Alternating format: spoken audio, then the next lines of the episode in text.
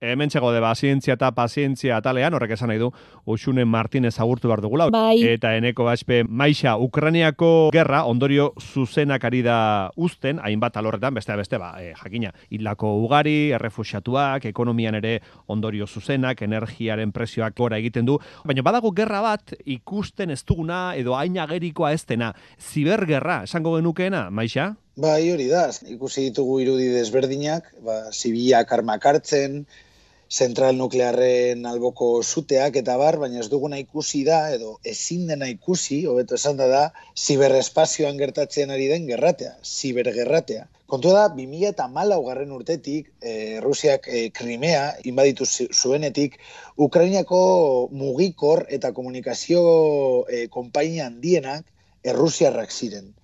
Ukrainako gobernuak eraiki berri zuen garaian e, ba, teknologia sektore berri bat, azpigitura teknologikoa e, indartzeko asmoz. Eta 2008 garren urtean, Ukrainako gobernuak ministerio berri bat zabaldu zuen. Transformazio digitalaren ministerioa. Eta konpainia teknologikoak e, erakartzeko asmoa zuen, ministerio honek, e, Ukrainako startupak sortzeko asmoa zuen, ba, zergak jeitziz e, e, startup teknologikoak erakartzeko, eta Errusiarren teknologiarekiko menpekotasuna e, gutxitzeko asmoa zuen ere bai. Emaitza, ba, Ukrainaren komunikabideak oraindik e, dira eraginkorrak, mm -hmm. gerratea hasi eta bi asteetara, bai eta Errusiako zibereraso handienak ekiditen ari dira. Ah, beraz, e, Lubakietan, bueno, Lubakietan, e, zera, e, lur gainan ikusten ditugun borroka hoiek, edo egon daitezken borroka hoiek, e, ziberespazioaren ematen ari dira. E, hor ere, aurrez aurre ari dira Errusia eta Ukraina, teknologiaren bitartez? E, eta oso bortitzak dira. E, guazen dena kontatzera, base, adibidez, sare sozialei dagokionez, Errusiako gobernuaren e, desinformazio kanpainak ekidin ditu e, Fedorov, Fedorov da e, ministro digitala, eta honetarako ba, e, Facebook, orain meta deitzen dena, eta Dai. Google, bezalako teknologia erraldoiek lagundu dute e, Ukraina. Baita Elon Musk ere, SpaceX edo Teslako buruak, sateliteen bitartez interneta mantendu du Ukrainian. Uh Starlink satelitea, erabili du, e, bere satelitea, e, Elon Musk satelitea, eta, bueno, por cierto, e, historio bitxia, e, Ukrainiako gobernua, saiatu zen, orain dela hilabetea gainera, e, etortzen zena ikusita, ba, Elon Muskekin kontaktuan jartzen, kanal ofizialen bitartez, bai. baina Ukrainiak ez zuen lortu. Eta, orain dela gutxi, e, Federov, ministro, Ukrainiako ministro digitalak, tweet bat bota zuen eta tageatu zuena da, e, izendatu zuen Elon Musk, mm. eta erantzun zuen Twitterari, e, tweet horri, eta gerostik zabaldu zen e, kanal hori, Ukraina eta Elon Musken artean, Twitterren bitartez. Beraz, zenbat aldatu den e, mundua. Eta, bueno, ba, kontua da, ministro digitala, e, hau, ministro digitalaren burua, ministerio digitalaren burua, berrogei urte dituena, por cierto, oso gazte da, mm. crowdfunding kampaina bat, zuzentzen ari da ere bai, Bitcoin bezalako kriptomonetekin e, ordaindu aldena, eta momentuz, irurogeitamar milioi dolar batu ditu, irurogeitamar milioi, Ukrainen erresistentzia e, zibila e, ordaintzeko e, doaintza digitaleen bitartez. Eta ez hori bakarrik, e, teknologia informazioen Ukrainiako armada sortu egin dute, milaka eta milaka uste da e, irureun mila e, hacker batu ditu, ez bakarrik e, Ukrainiarrak, baizik eta mundu osoko e, voluntarioak, zibilak danak, eta Rusiaren aurkako ba, zibergerratean parten, parte hartzen ari dira. Mundu osoko irumila hacker ari dira Ukrainako gobernuari laguntzen? Irureun mila. Zenbat? Irureun mila hacker. Irureun mila. Irureun mila hacker ari dira orain e, teknologia informazioen Ukrainako armadari laguntzen. Mhm. Eta munduko lehenengoak dira, e, zibergerrate batean horrela, borrokatzen ari direnak, eta pentsa zazu, sare bat direla, hau da munduan bananduta daudela bakoitza beretzean, e, Ukrainar jake hau, jake bai. hauek, edo Ukrainari nola baiteko laguntza ematen ari diren jake eta hori oso zaila da, Errusiako gobernuaren txat, base, ezin ditu hackerrak bombardatu, ez Ja. da base militar bat bezala bombardatzea. Bale, eta Errusiarrek ziberrerasoien bitartez zer lortu nahiko lukete? Ukraina internetik gabe ustea, e, zer lortu dezakete, edo zer lortu nahiko lukete? Ba, gauza asko, esate baterako e, informazio kateak eten, gero ere bai ba, arazoak sortu ez bakarrik enpresetan, bankuetan, gobernuan bertan, Mhm. e, e, informazioa lortu, e, e, e, pasaitzak lortu, eta abar. Eta, eta gerratea iz, izaten ari da e, bortitza. Orain arte gainera, Errusiarrek ba, Facebook, Twitter eta e, Google-era sartu ziren e, Errusiarrak, e, problemarik gabe, baina e, teknologia haundi hauek ilun handi total batean sartu dute Rusia, Mhm. esate baterako ba, Facebook guztiz amatatu dute, eta Facebook e, Errusiarrek ez dute horren beste erabiltzen, baina bai Facebooken Instagram edo Mhm. WhatsApp esate Ja. baterako. Eta hori, e, momentu Eh, honetan Errusiarrek ezin dute erabili, ez Instagram, ez da WhatsApp ere? Hori da, eta kontua da, esaten ari direla, honezkero, sortuko dela intranet moduko bat, Mhm. eh, Rusanet deitzen dena, eta Ruset, barkatu, deitzen dena, eta da, ba, Txinan bezalako intranet bat, hau da, zu Txinara basoa zen, ezin zara Twitterera sartu, ni ezin nintzen, ni Mhm. Txinan egon nintzen, eta e, Beijingen, eta ezin nintzen e, Twitterera sartu esate Mhm. baterako ordun bakarrik sartu al nintzen ba trampak egiten esate baterako ba U- VPN bate, baten bitartez hau da konektatzen nintzen naiz eta Beijingen egon Mhm.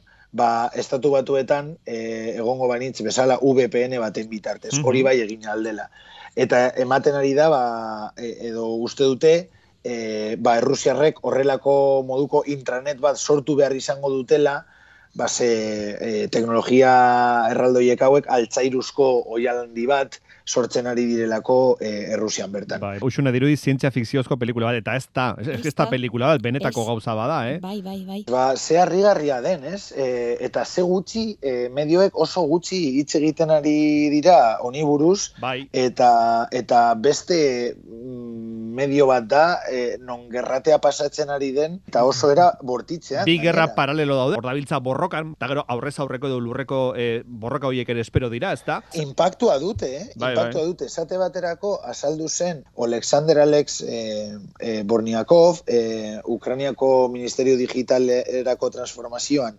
eh, eh, bueno, lan egiten duen al- kargu altu bat, esanez, zelan mantendu izan alzuten be, eh, gobernu barruko eh, eta eh, Ukrainiako militarren arteko eh, komunikazioa, eta horrek eh, eman ziola pilo bat denbora eh, erresistentzia indartzeko Kieven, esate baterako.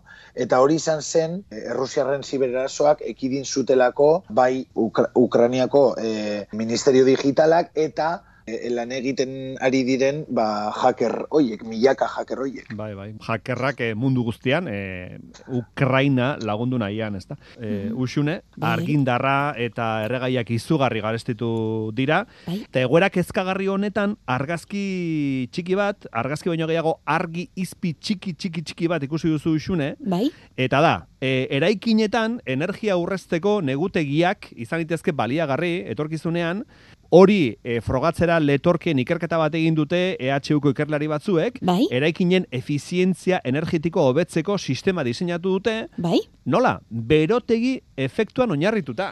Bai, kontua da, negutegi antzeko batzuk proposatu dituztela e, eraikinetako teilatuetan e, jartzea, eta horren e, e, horrek jarriz gero ikusi dute energia asko aurrezten dela. Beraz, baratzetan ikusten ditugun e, zera negutegi horiek Bai, bezalako jarriko banitu e, etxeko teilatuetan, bai. energia aurreztuko genuke. Antzeko, antzeko, Gutxi gorabehera. gutxi gorabehera, bai. Hau da, e, e, funtzionatzeko modua berdin antzekoa da, baina teilatuetan jarriko lirate li- litzatezkeen, ba, zerak ez, e, berotegiero negutegi horiek apurtxo bat e, desberdinak izango lirateke, bai itxuraz eta bai formaz.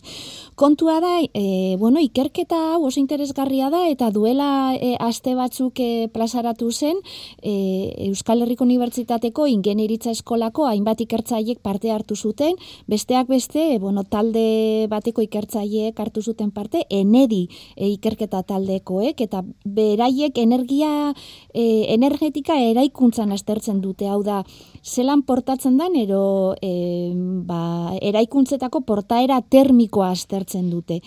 Eta ikusi dute, ba, e, landetan eta hortuetan eta sarritan ikusi izan ditugun e, egutegi, ero negutegi hoiek, mm. ba, sasoiz kanpo, ero urtaroari ez dagozkion ba, fruituak eta ataratzeko erabiltzen bai. ditugun e, hoiek, baliagarriak direla, ba, gure teiatuetan e, jarrita. Bueno, zer, zer esan nahi du honek? Egin dituzte, horrelako e, negutegiak e, eraiki dituzte. Negi, negutegi hauek e, triangelu angelu zuzen antzekoak dira, itxuraz, bai? Eta kristales e, daude eginda hauek teiatuetan jarri eta teiatuan bai baina posizio jakin bat e, baten, hau da egoalderuntz, e, norabidea egoalderuntz izan behar dute. Eta kontuan izan da urtaroan zehar eguzkiaren posizioa aldatzen doala, ba bueno, pentsatu zuten, bueno, zein izango litzateken e, egualderuntz bai, baina zein izango litzateke kokapen egokiena, ez? Urte osoan ero baliagarri ero ondo funtzionatzeko negutegi hauek, ba, ikusi dute, ba, e, angelurik egokiena berrogeta mabos gradukoa dela, ba, horrela jartzea. Vale. Eta, negutegiko e, kristalak, hau da, imaginatu triangelu angelu zuzen e, itxurako e, berotegi bat izango litzatekeela, eta kristales osatuta, ba kristalak ahalden eta perpendikularren egon behar dira eguzkirantz begiratuta, hau da, e, eguzki izpiak eta egoki hartzeko.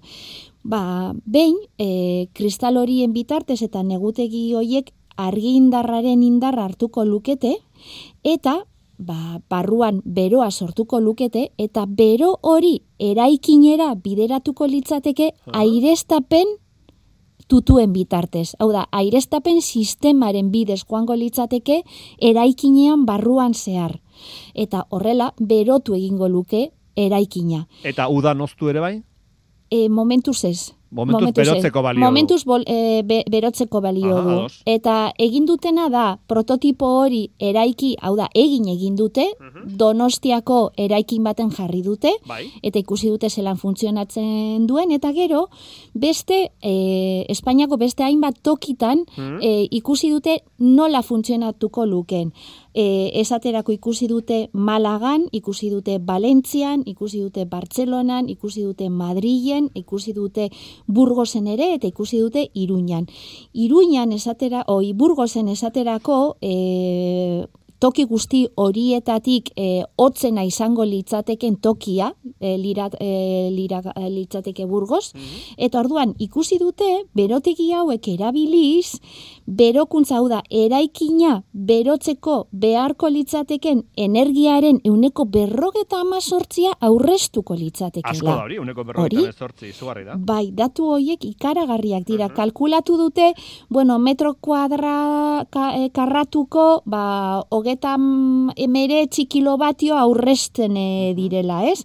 Eta, bueno, ikusi dute, e, ba, e, eraike horrelako berotegiak e, ipiniz gero gure etxeetako teiatuetan bai. baliagarria litzatekeela gure eraikuntzak ero eraikinak eta berotzeko. Beraz, bero gailuan diru gutxiago azatuko genuke. Bai, zer gertatzen da, bueno, horrekin bertsio bat suposatzen du, eta bai, alde, e, egia da, airestapen e, sistema horiek egokitu egin beharko liratekeela, teiatuan daukagun berotegi, ero egutegi horren aizea hartu eta gero zabaltzeko.